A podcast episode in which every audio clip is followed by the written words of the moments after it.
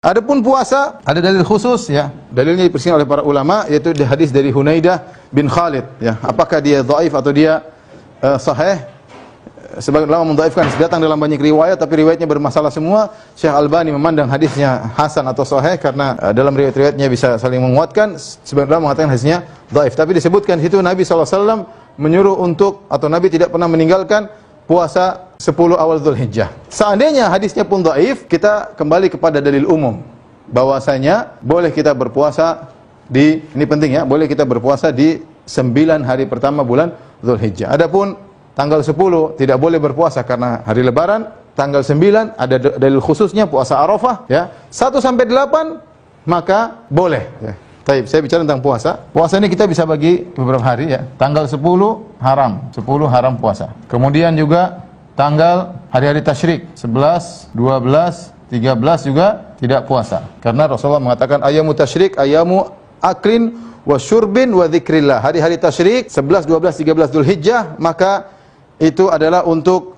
hari-hari untuk makan dan minum dan juga untuk berzikir kepada Allah. Maka yang ingin puasa ayamul bid ketika bulan Dzulhijjah maka jangan dia puasa pada tanggal 13. Jangan dia puasa pada tanggal 13. Ini haram. Dia berpuasa saja pada tanggal 14, 15, mau 16 boleh. 14, 15 satu harinya terserah hari yang lain boleh.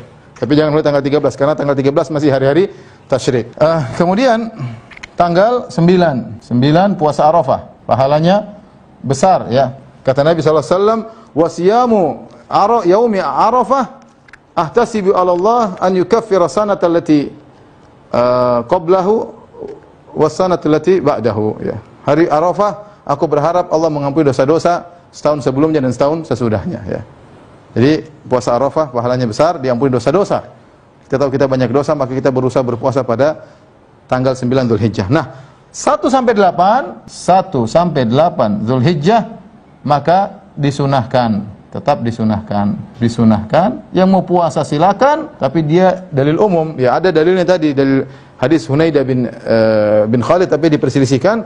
Seandainya pun hadisnya dhaif, maka kita katakan tetap disunahkan berdasarkan dalil umum. Jadi yang ingin puasa silakan. Ini pendapat fuqaha empat mazhab ya.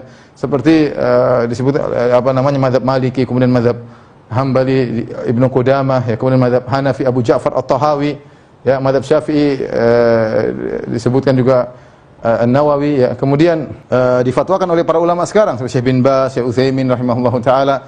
Sehingga kalau ingin berpuasa tanggal 1 sampai tanggal 9 silakan. Yang semampunya mau bolong-bolong enggak ada masalah, tapi intinya puasa ini ada dalil-dalil khususnya ya.